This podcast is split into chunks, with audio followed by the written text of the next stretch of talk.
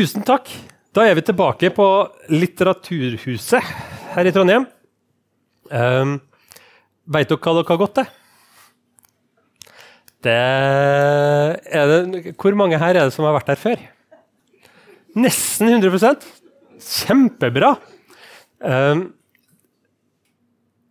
Temaet i dag traumer. Traumer er Jeg har, jeg har skrevet opp uh, Tatt med en, setning fra definisjonen og fra diagnoseboka. Er du klar? Traumer oppstår som en forsinka eller langvarig reaksjon på en belastende livshendelse eller situasjon av kort eller lang uh, varighet av usedvanlig truende katastrofal art. Så da er det greit? Ikke sant? Nei, det er Altså, hvis man jeg pleier, jeg pleier, å lese de her diagnosene baklengs. Det pleier å hjelpe meg ofte. da. Uh, så det er noe som skjer av truende eller katastrofal art. Uh, som har skjedd, som, som, du har stått i, enten i en kort tid eller i lengre tid. Uh, som, som, har gitt deg en reaksjon. Sånn blir det hvis du leser den baklengs. Tradisjonelt sett så har vi jo f.eks. hvis man har opplevd en bilulykke, eksempel, så kan jo det være veldig traumatisk. Hvis man er en bilulykke, det blir eh, man sjøl eller andre blir veldig skada. Det kan være andre sånne ting. Blind vold på gata kan, kan gi en eh, traumereaksjoner. Uh, og mange andre også sånne ting hvor man går rundt, man har, man har det helt greit, og så opplever man noe som er uh, veldig livstruende, eller som man opplever som veldig vanskelig. Um, og så, i ettertid, så får man altså en sånn reaksjon på det. Det er ofte det man kaller for um, type 1-traumer. Uh, eh, det er også noe som heter type 2-traumer. Det ville vært rart hvis det ikke var det. når du har type 1-traumer. Det er fordi det er også mulig at man kan oppleve um, noe som er ikke nødvendigvis veldig livstruende, men som kan være en krenkelse, en liten krenkelse, ofte over veldig lang tid. Det kan man komplekse traumer eller type 2-traumer. Så det er tradisjonelt sett f.eks. barn som, som opplever uh, veldig dårlige oppvekstforhold, for eksempel, hvor de på forskjellige måter blir krenka, om det er autonomi eller om det er uh, verd, eller hva det nå måtte være. Ok, Er dere med på det? Det er, traumer er egentlig fra uh, Vietnamkrigen. Det er egentlig da man begynte å snakke om, om traumer sånn i den forstand som vi gjør i dag. Eh, vi har, Før det så var det, kalte de det shell-sjokk. Eh, andre verdenskrig eh, for eksempel, så kom jo soldatene hjem sånn skikkelig gamle. Så de gravde de seg jo sånn vollgraver. Så sto de og skjøt på hverandre og kasta granater oppi til hverandre. Uh, sånn det var veldig, veldig, lite maskiner involvert, og veldig mye folk. Så det var veldig mange som da um, altså De kalte det også krigsnevroser. Mange som skalv, mange som hadde veldig sånne type, klassiske type, eh, traumesymptomer. Uh, Men på 80-tallet så kom PTSD-begrepet. PTSD er diagnosen. Sånn at man kan være traumatisert, men diagnostiseres man, så får man en PTSD, som står for posttraumatisk stresslidelse på norsk. da. Så kan du ha PTSD, du kan ha kompleks PTSD hvis du, traumene er sånn komplekse traumer. da. Henger dere med? Um, så bra.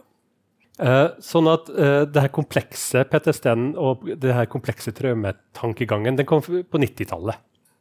Jeg har en sånn fin, eh, fin måte å huske symptomene traumesymptomene. Har dere lyst til å høre?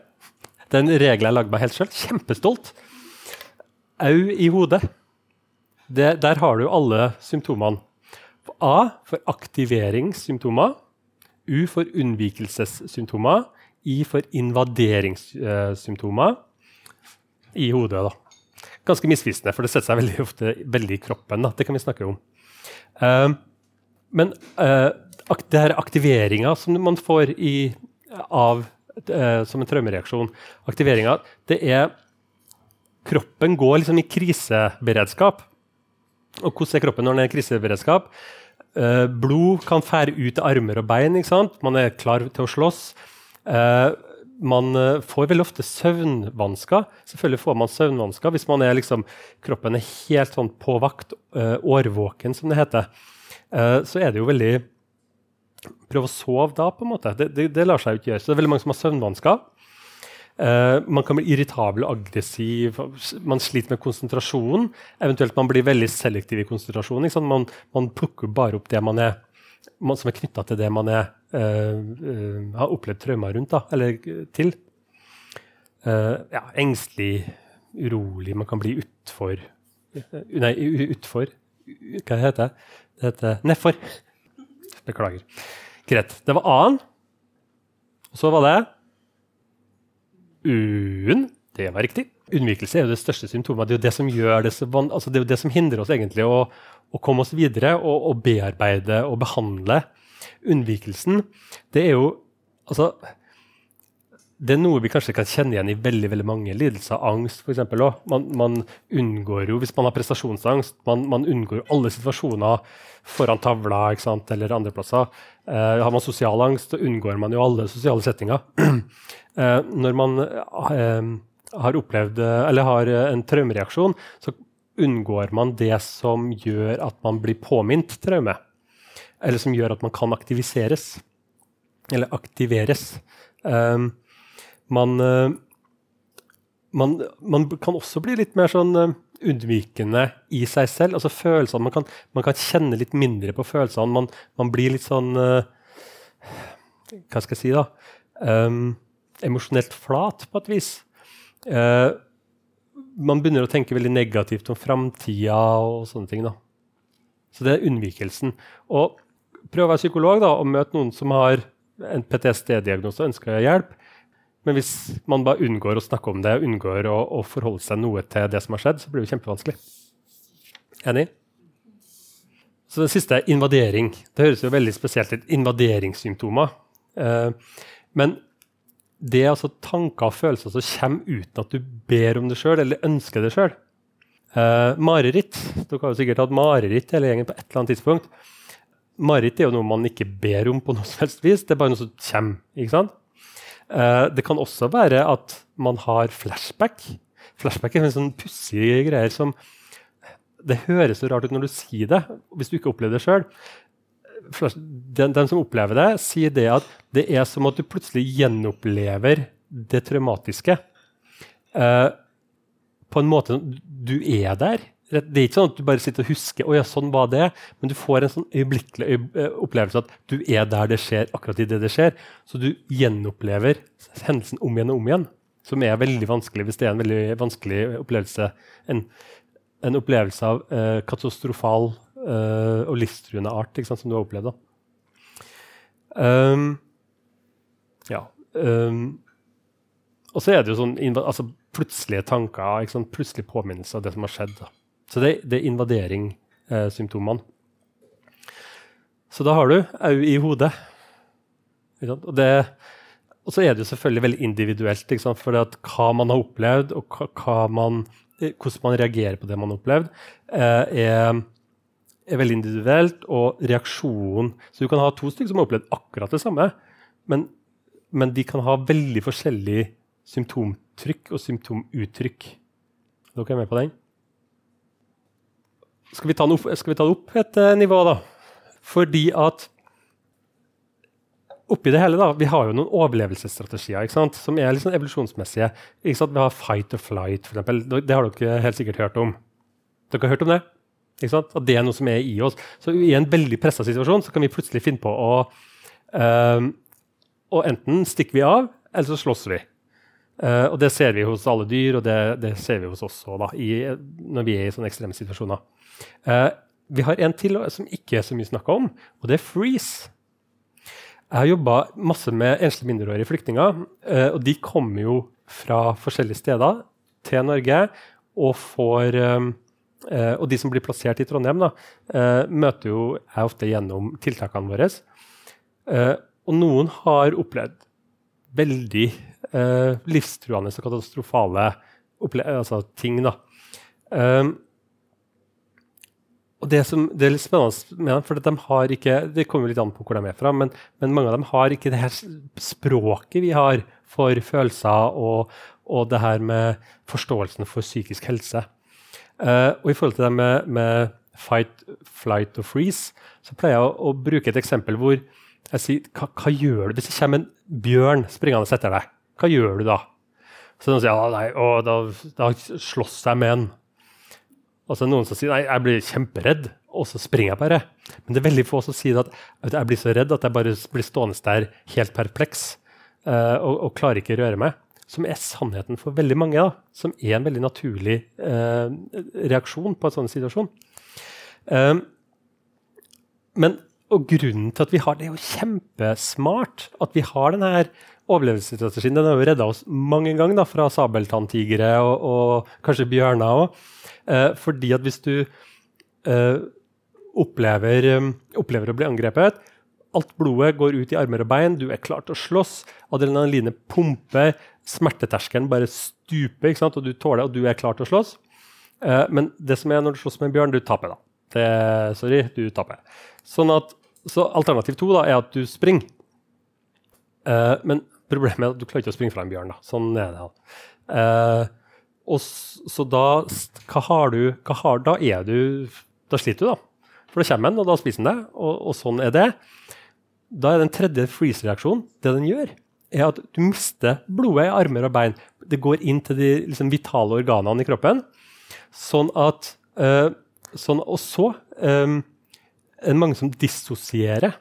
Altså, man, man opplever, får en opplevelse av å være sånn utafor seg sjæl. Mange kan plutselig bare miste um, miste um, minnet ikke sant? Fra, fra, rundt da.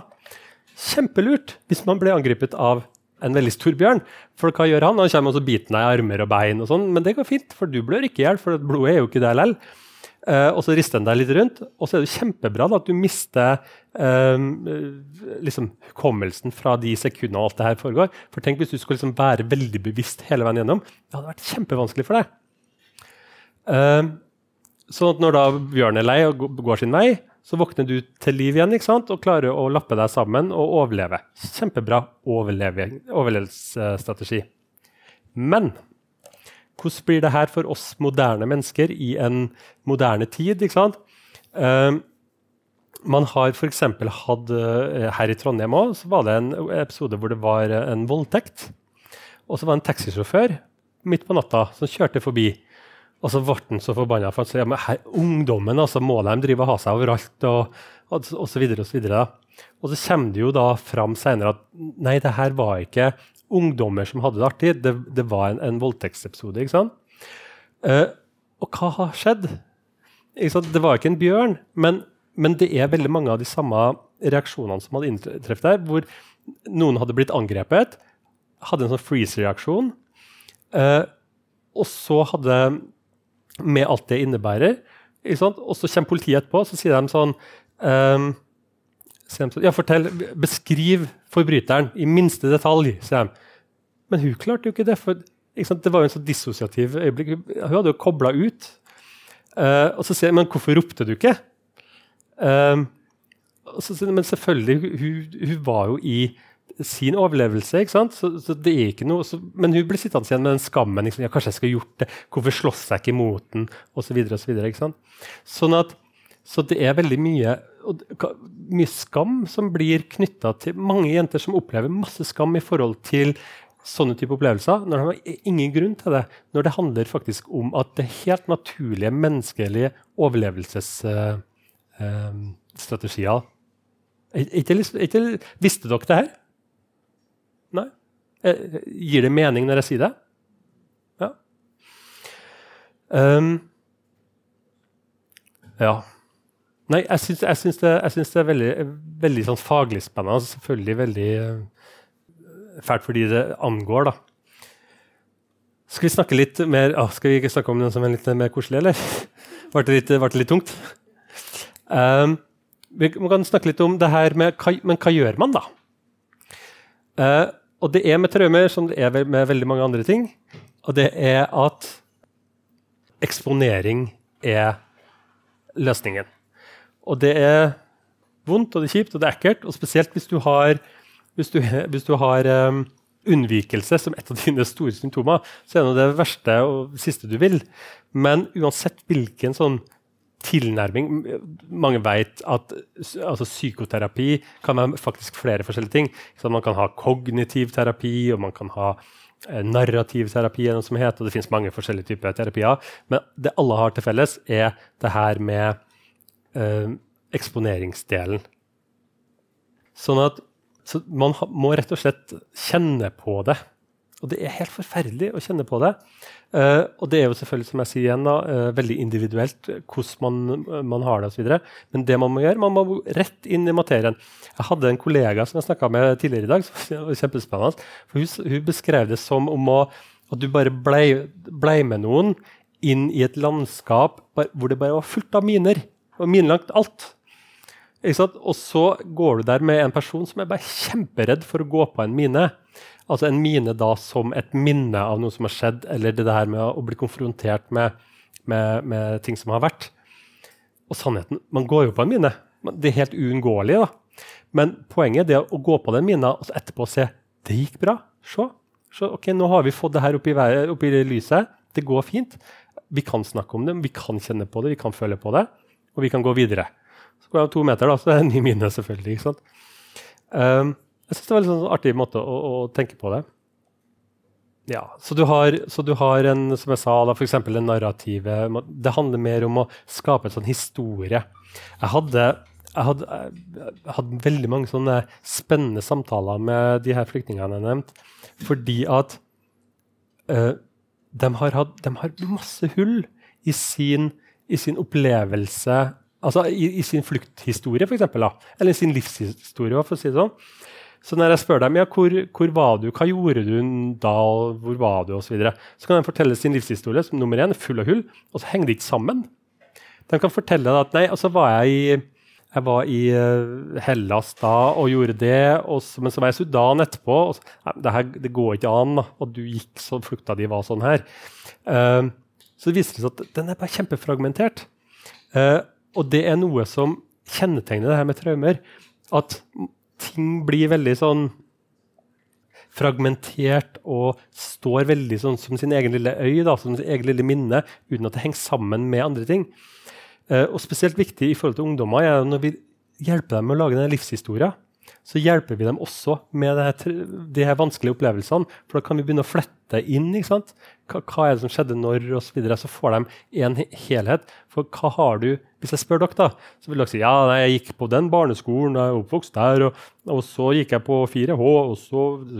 Dere kan fortelle meg en sånn livshistorie. og den livshistorie, Prøv å fortelle meg, den, fortelle meg hvem du er, uten å fortelle meg noen ting om din bakgrunn eller hvor du har vært. eller noe som helst. Kjempevanskelig.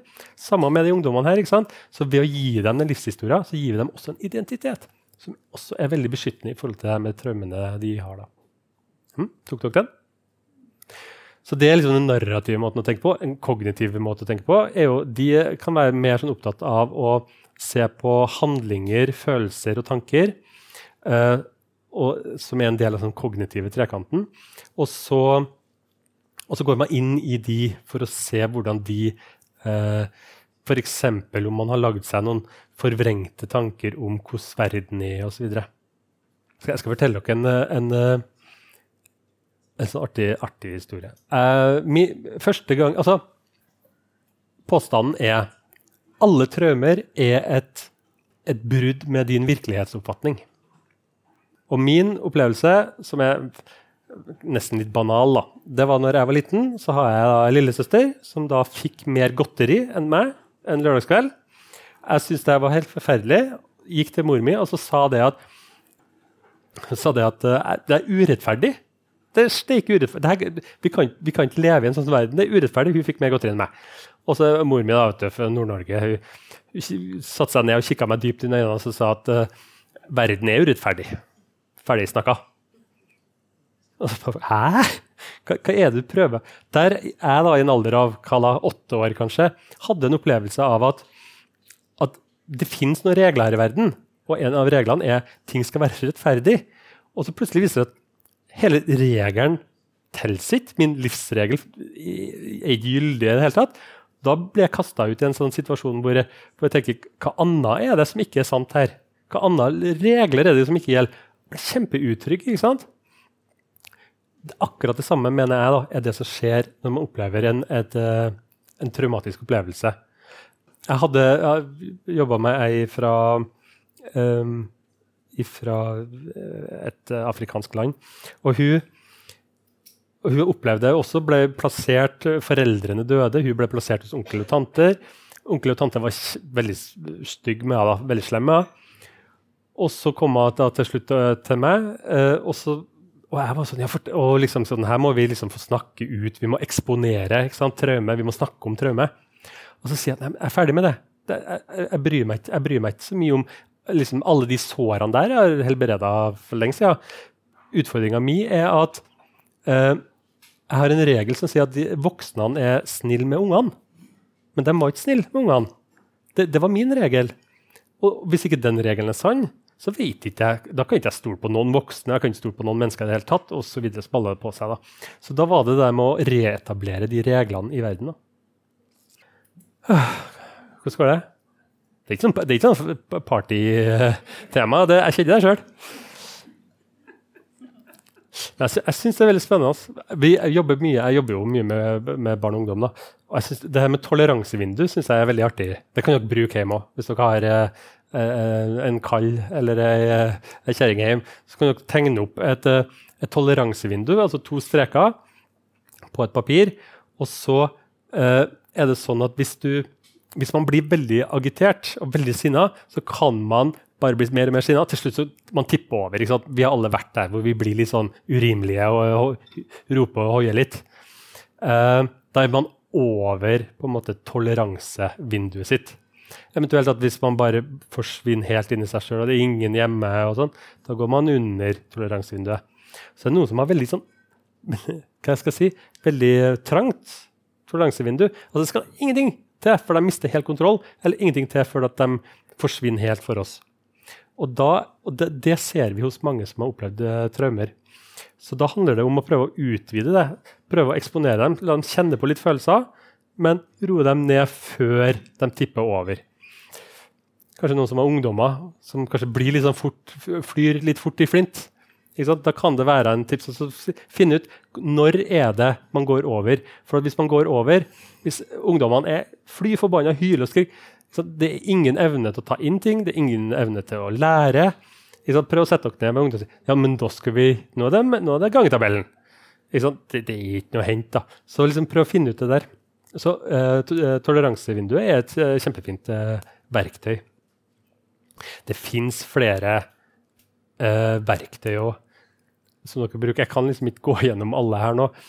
Um, men det handler mye om det der med traumer og jeg tenker litt sånn, En ting er hva du skal gjøre det på, på, psykologkontoret. En annen ting er hva kan dere gjøre hjemme. Det er jo det som jeg sa sånn innledningsvis. Jeg har lyst til å gi dere noen tips og triks. Hva kan dere gjøre hjemme hvis dere sjøl har opplevd noe som har vært vanskelig? Eller om dere bor med noen som har opplevd noe som er vanskelig, eller kjenner noen. Hva kan man gjøre? Mange har en sånn Man skal ikke snakke om det. Man skal ikke snakke om det, fordi at da ødelegger vi noe. Eller vi retraumatiserer eh, noen.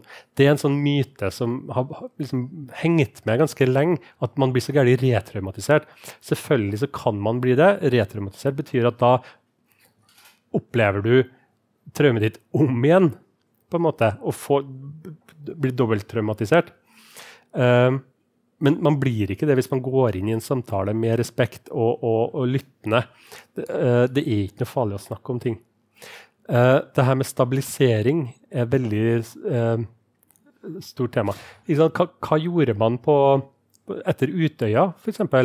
Uh, og masse psykologer som kom til stedet. Og, og så, sier, så, sier, psykologene 'dra hjem'. Hæ? Ja, men det har skjedd noe kjempeforferdelig her. Uh, så sier ja, men, går, ja, men dere trenger ikke oss. Send ungene hjem til foreldrene. Vær trygge, vær sammen. Ha det godt sammen. Kjenn Kjenn når ting er stabilt. Finn igjen, uh, finn igjen røttene. Um, det her med de her læresetningene som jeg om i sted, har blitt brutt. Finn igjen noe håndfast å holde, uh, holde seg i. Uh, fordi at det der med å sitte og ha psykologsamtale etter å ha opplevd noe kjempevanskelig, det er ikke det, er det vi skal. Så stabilitet, vær der. Uh, vær der for andre, eller tillat andre å være der for dere. Det der med unnvikelse, ikke være unnvikende, men det gjelder, det gjelder alt. Har du angst, har du, er du deprimert, er du traumer, uansett hva det er unnvike Jeg er litt glad at ikke uh, Sven er her i dag, for han har gått helt bananas på det. Unnvikelse er roten til alt vondt. Uh, men uh, ikke være unnvikende. Tør å, tør å, gå inn i andres unnvikelse hvis de, er, hvis de prøver å dytte dere vekk. Vær tilgjengelig. Snakk med dem. Ja. Det var fort og gæli. Syns dere det var litt greit likevel? Har, har, har, dere lært, har dere lært noe, lærte dere noe nytt? Det er jo, det er jo uh, flere episoder i denne serien. Så gå inn på Trønder-TV. Sjekk ut, uh, ut episodene som ligger der. Det begynner å ligge, ligge en del uh, der. Vi har også Facebook-gruppe. lik Facebook-gruppa. Der, der pleier vi å legge ut informasjon om kommende show, Pleier, Svein er ikke på Facebook, så jeg pleier å baksnakke Svein en del. Uh, og, og, sånn. Og så har vi jo selvfølgelig podkasten, hvor uh, det er egentlig showene her som vi tar lyden av og så legger vi ut uh, som podkast. Det finner dere der dere hører podkast. Greit. Det var min snakking. Det gikk bra. Vi kom oss gjennom det. Jeg syns det var kjempespennende å snakke om Jeg synes det var kjempespennende å snakke om det med dere. Litt vant med å snakke sammen i stedet for å snakke til. Uh, men jeg håper at vi kan snakke mer sammen senere. Fint. Takk for meg.